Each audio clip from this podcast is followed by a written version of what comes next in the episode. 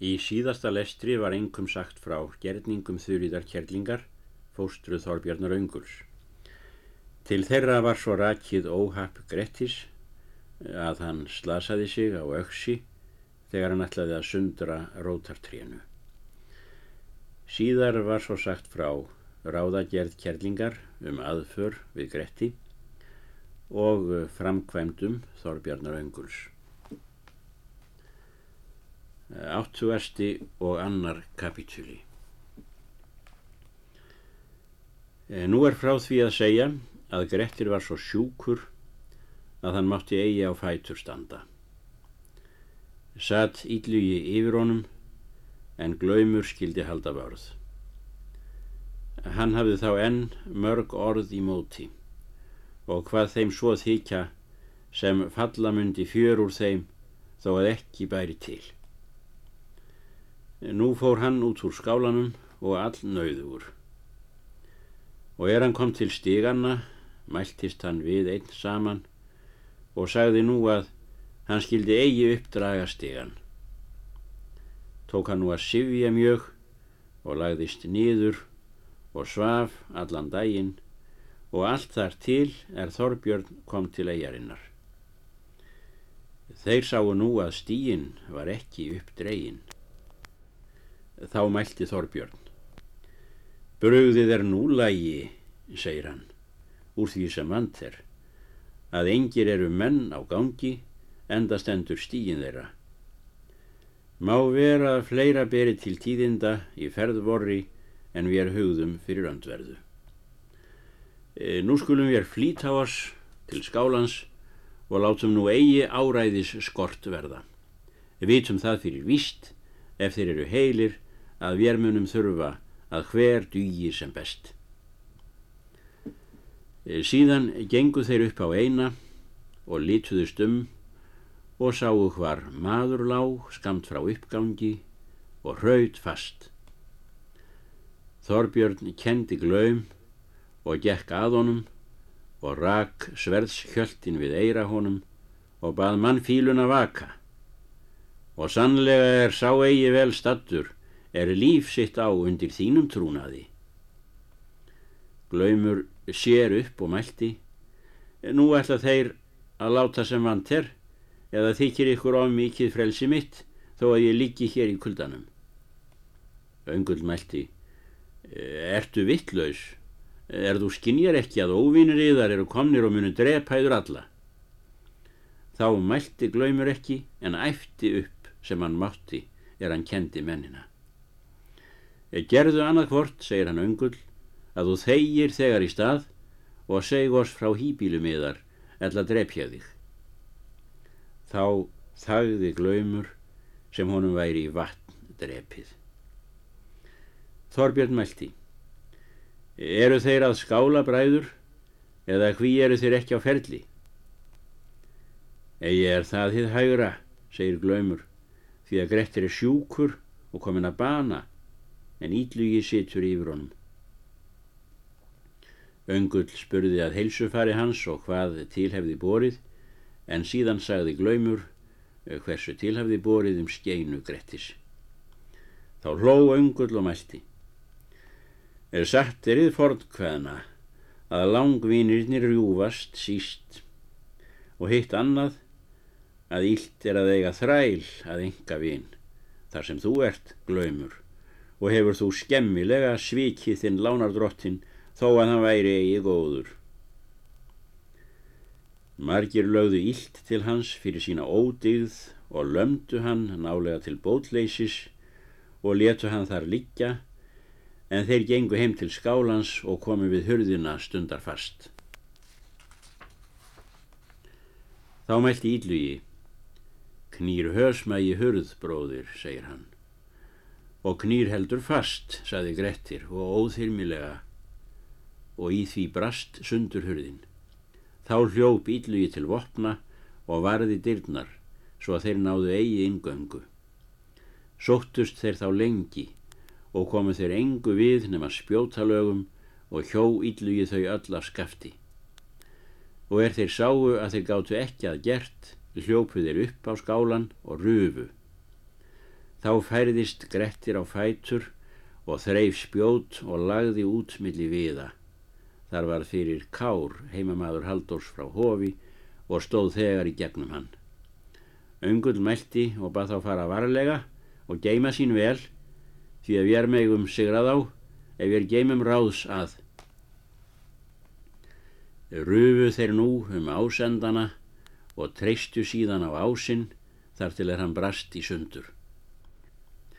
Grettir mátti eigi af knjánum rýsa. Greip hann þá saksið kársnaut. Í því hljópu þeir ofan í tóftina og varð nú hörð svipun með þeim. Grettir hjó með saksinu til víkars, fyldarmanns Hjalta Þórðarssonar og kom á aukslina vinstri. Í því er hann hljóp í tóftina og sneið um þverar herðarnar og út undir hérna hægri síðuna og tók þar sundur þvert mannin og stiftist búkurinn ofan á Gretti í tvo hluti.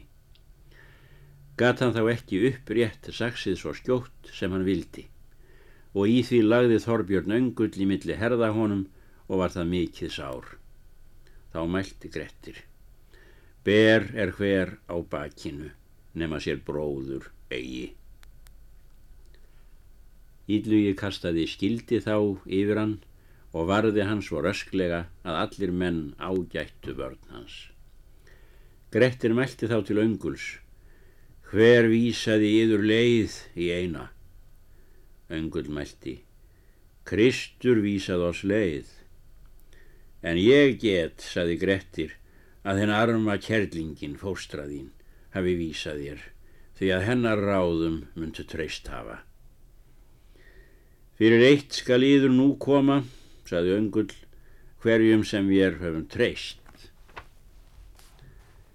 Þeir sóttu að fast, en ídlugi varðið þá báða all drengilega, en Grettir var með öllu óvígur bæði af sárum og sjúkleika. Þá bað öngull að þeir skildu bera skjöldu að ídluga, því að ég hef engan fundið hans líka eigi eldra mann. Þeir gerðu nú svo og þraungdu að honum með viðum og vopnum svo að hann kom eigi vörn við, gáttu þeir þá handtekiðan og heldu honum. Hann hafði flestum veitt nokkra áverka þeim sem í atsokninni voru en drepið þrjá fyldarmenn önguls. Eftir það gengu þeir að gretti.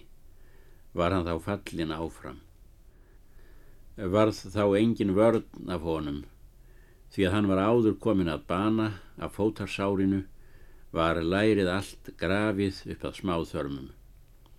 Veittu þeir honum þá mörg sár svo að lít eða ekki blætti en er þeir hugðu að hann myndi döður þreif öngull til saksins og hvað hann nógu lengi hafa borið það En Grettir hafði fast kreft fingur að meðalkablanum og varð ekki löst. Fóru þeir þá til margir og gáttu ekki að gert. Átta tóku þeir til áður en laug og fengu ekki að gert að heldur. Þá mæltu öngull. E, hví skulum við reka sparmælið við skóarmannin? Það er beita vægð og leggið nýður höndina við stokkinum. Og er það var gert kjuggu þeir af honum höndina í úlliðinum þá réttust fingurnir og losnuðu af meðalkablanum þá tók öngull saksið tveim höndum og hjó í höfuð gretti var það allmikið högg svo að saksið stóðst eigi og brotnaði skarð í miðri ekkinni og er þeir sáu það spurðu þeir hví hann spilti grip svo góðum. Öngul svarar, þá er auð kendara ef aðverður spurt. Þeir sögðu þessa eigi þurfa, þar sem maðurinn var döður áður. Að skal þó meira gera, segir öngul. Hjóan þá á háls gretti, tvö högg eða þrjú áður aftæki höfuðið. Nú veit ég víst að Grettir er döður og höfum við mikinn garp að vellilagið, saði Þorbjörn. Skulum við nú hafa höfuðið með oss til lands, því að ég vil ekki missa þessi fjár sem lægið hefur verið til höfuðsónum. Mega þeir þá eigi diljast við að ég hef drepið Gretti. Þeir báðu hann ráða og letu sér þó fátum finnast því að öllum þótti óprúðlega að unnið. Þá mæltu öngull við ílluga. Mikill skadi er það um svo röskvan mann sem þú ert. Er þig hefur hend svo óviska að ráðast til ílvirkja með útlegðar manni þessum og verða fyrir það dræpur og ógildur. Íllugi svarar.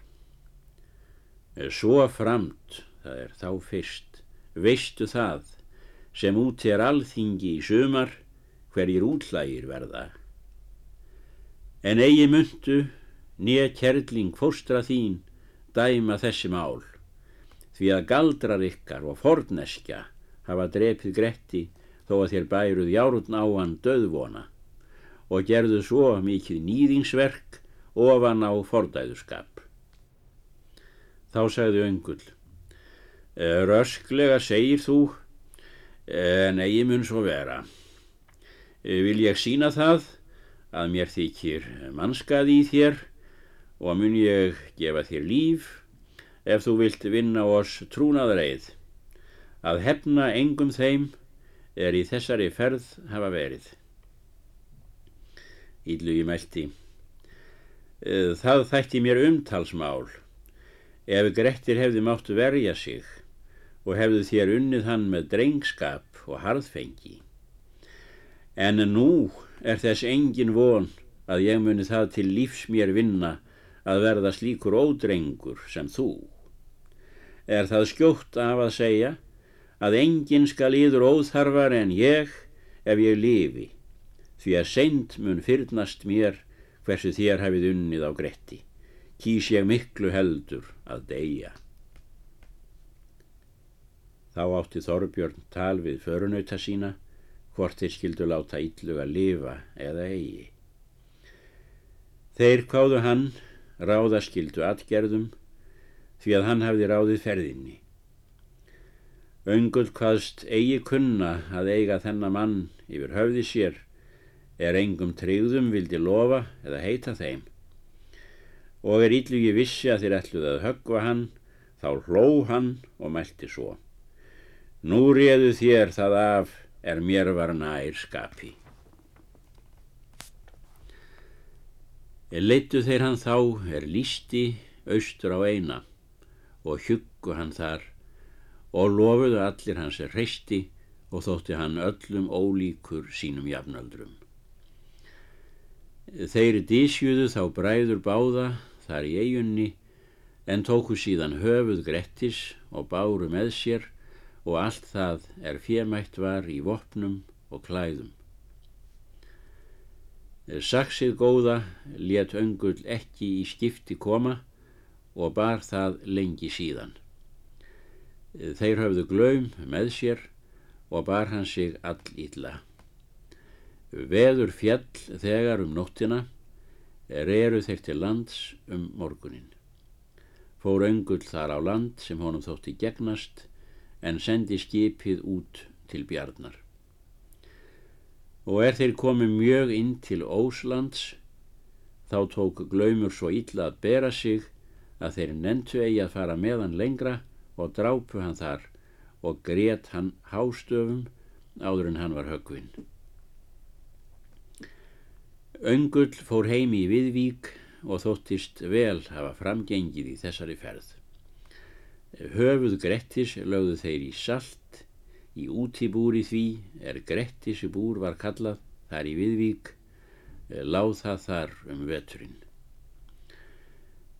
Öngull var óþokkaður mjög af þessum verkum, eh, þegar að menn vissu að Grettir hafði með gerningum unnin verið. Satt öngull um kyrt fram yfir jól. Þá reið hann til móts við Þóri í gardi og sagði honum af vígum þessum og það með að hann þóttist eiga fyrir það er lagið var til höfuðs Gretti. Þóri sagði að hann myndi eigi dilja þess að hann hefði odlað sektum Grettis. Hef ég og oft fengið hart af honum, en ekki vildi ég það til lífs hans vinna að gera mig að ódáðamanni eða fordæðu sem þú hefur gert. Mun ég síður leggja þér fjö að mér sínist þú ólífis maður vera fyrir galdur og fjölkingi. Öngull svarar. Meir ætla ég að þér komi til fjefesti og vesalmenska en að þú hyrðir með hverju að Grettir væri unnin. Þóri sagði að skjótsur væri vegur með þeim, að þeir skildu býða alþingis og hafa það er lögmanni síndist réttast. Skildu þeir með því að þar stóð á yllu einu með Þóri og Þorbirni öngli.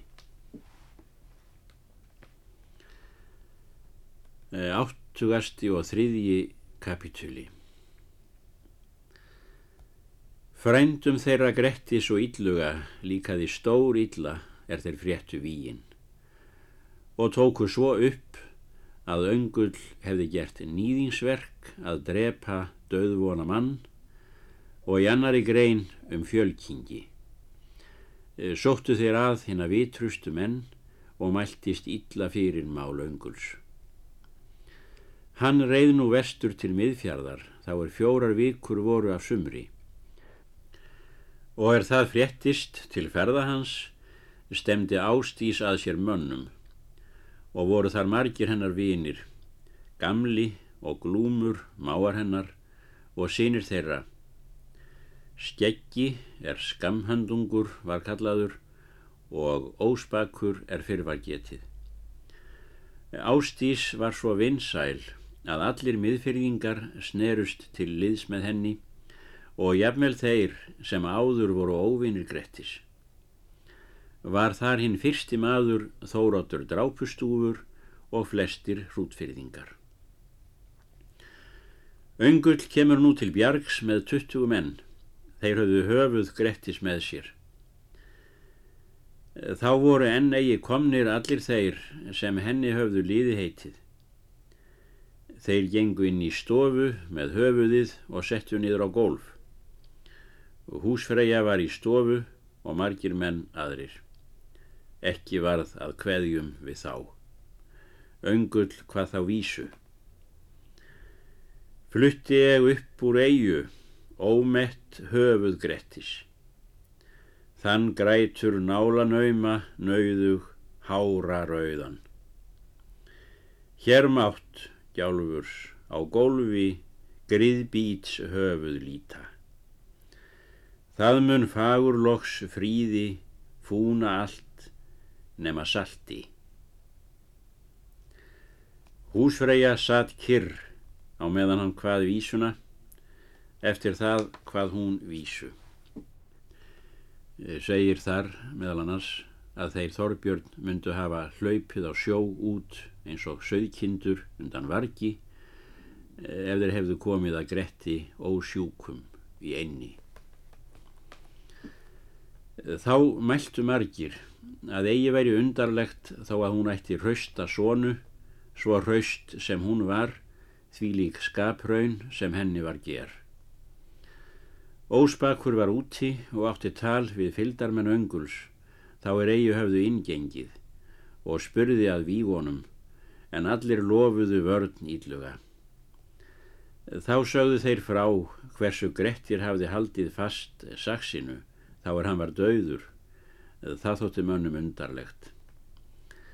Þá var sén margra manna reið vestanað, voru þar komnir margir vinir húsfreyju og þeir gamli og skeggi vestan frá melum. Öngull hafði þar ætlað að hefja fjeránsdóm eftir ílluga því að þeir kölluði sér allt fjehans. En er fjölmennið kom, sá öngull að hann gatt ekki aðgert. Voru þeir hinnir áköfustu, óspakur og gamli og vildu veita öngli atgöngu. En þeir sem vitrari voru báðu þá hafa við ráð Þorvalds frænda síns og annara höfðingja og sögðu að því verð mundu mál önguls fyrir mælast sem fleiri vitrir menn sætu yfir. Var þá svo á meðalgengið að öngull reið brott og hafði með sér höfuð Grettis því að hann ætlaði að hafa það til alþingis. Reið hann nú heim og þótti þunglega áhorfast því að flestir allir höfðingjar á landinu voru annarkvort skildir eða mægðir við þá Gretti og Ílluga. Þetta sumar fekk skeggi skamhandungur valgerðar dóttur Þóróts drápustúfs. Gekk Þóróttur þá að málum með frændum Grettis. Áttugasti og fjórði kapitúli Nú riðu menn til alþingis og yrðu færri liðveislumenn önguls en hann ætlaði því að málið mæltist ílla fyrir. Þá spurði Haldór hvort þeir skildu hafa höfuð Grettis með sér til alþingis. Öngull lést það ætlað hafa. Það er óráðlegt, segir Haldór. Því að nógu margir munu vera mótstöðumenn þínir þó að þú gerir eigi slíkar áminningar til þess að vekja upp harmamanna. Eh, þá voru þeir komnir á veg og ætluði að ríða sand suður. Öngulli let þá taka höfuðið og grafa nýður í sandþúfu eina, er þar kölluð Grettis þúfa. Á alþingi var fjölmend og bar öngull fram mál sín og rósaði mjög verkum sínum að hann hafi drepið þann skóarmann er gildastur hefði verið á landinu og þóttist eiga fyrir það sem lagið var til höfuð svonum. En Þórir hafði hinn sömu svör sem fyrr voru sögð. Þá var lögmaður beitur úrskurðar. Hann hvaðst heyra vilja ef nokkrar gagnsakir kæmu þær í móti er þarfyrir mætti öngull missa sektarfjárins ellegar myndi hann hafa slíkt sem til höfuðsvonum var lægið. Þá kvatti Þorvaldur Áskjersson til skamhöndung að bera fram sökjina. Hann stemdi Þorbirni öngli annar í stefnu um galdur og fjölkingi. Þá er Grettir myndi hafa bana af fengið en annari um það er þeirri vógu að honum hálfdauðum manni og let varða skógang. Nú varð mikill sveitardráttur og yrðu þeir fáir er sinnuðu Þorbirni. Varð nú öðru vís en hann hugði því að Þorvaldi og Ísleifi mái hans þótti það ólífisverk að gera manni gerningar til bana.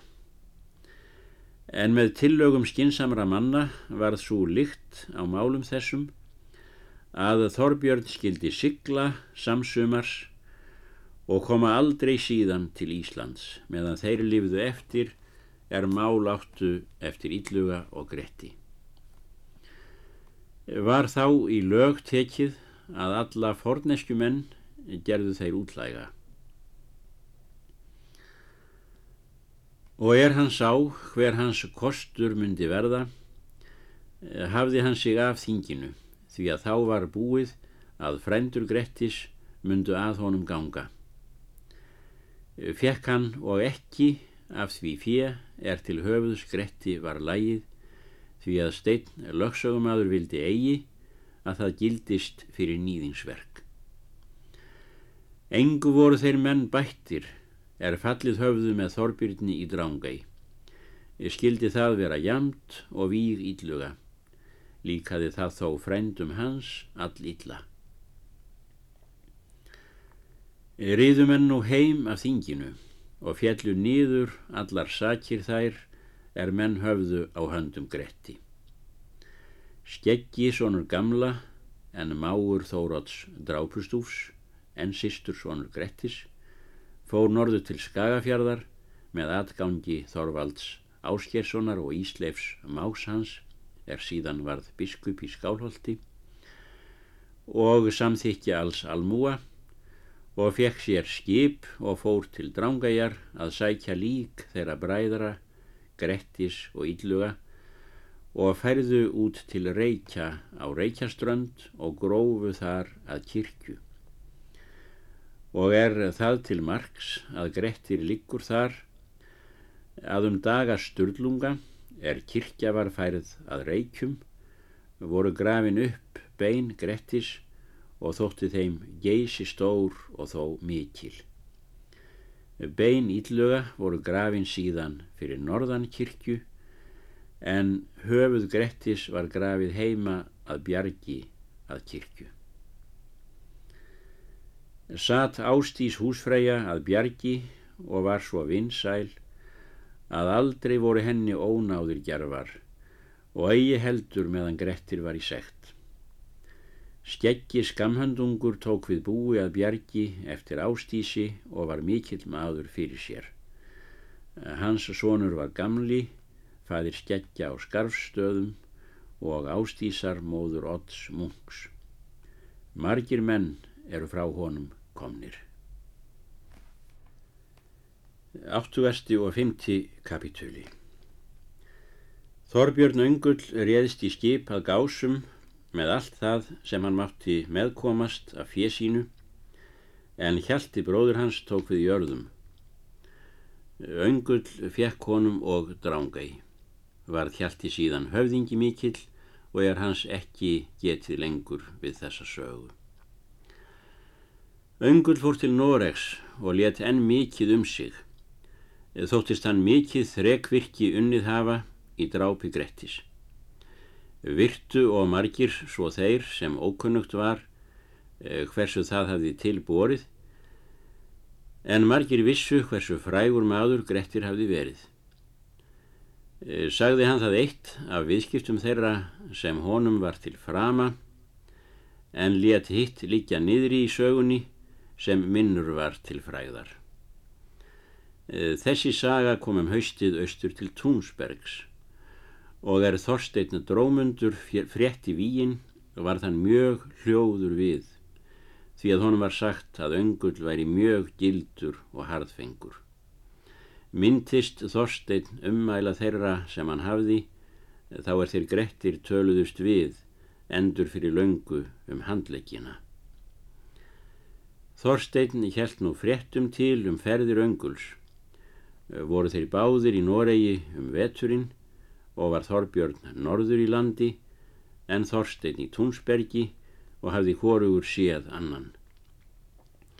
En þó varð Þorbjörn vís að Grettir átti bróður í Noregi og þótti vann séð við í ókunnu landi og því leitaði hann sér ráðs hvert hann skildi á leita.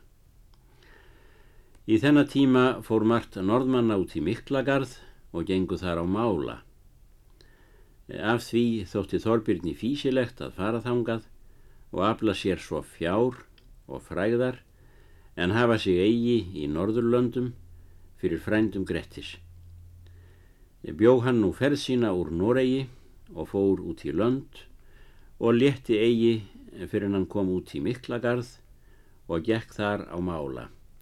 Dvaldist hann þar um hríð.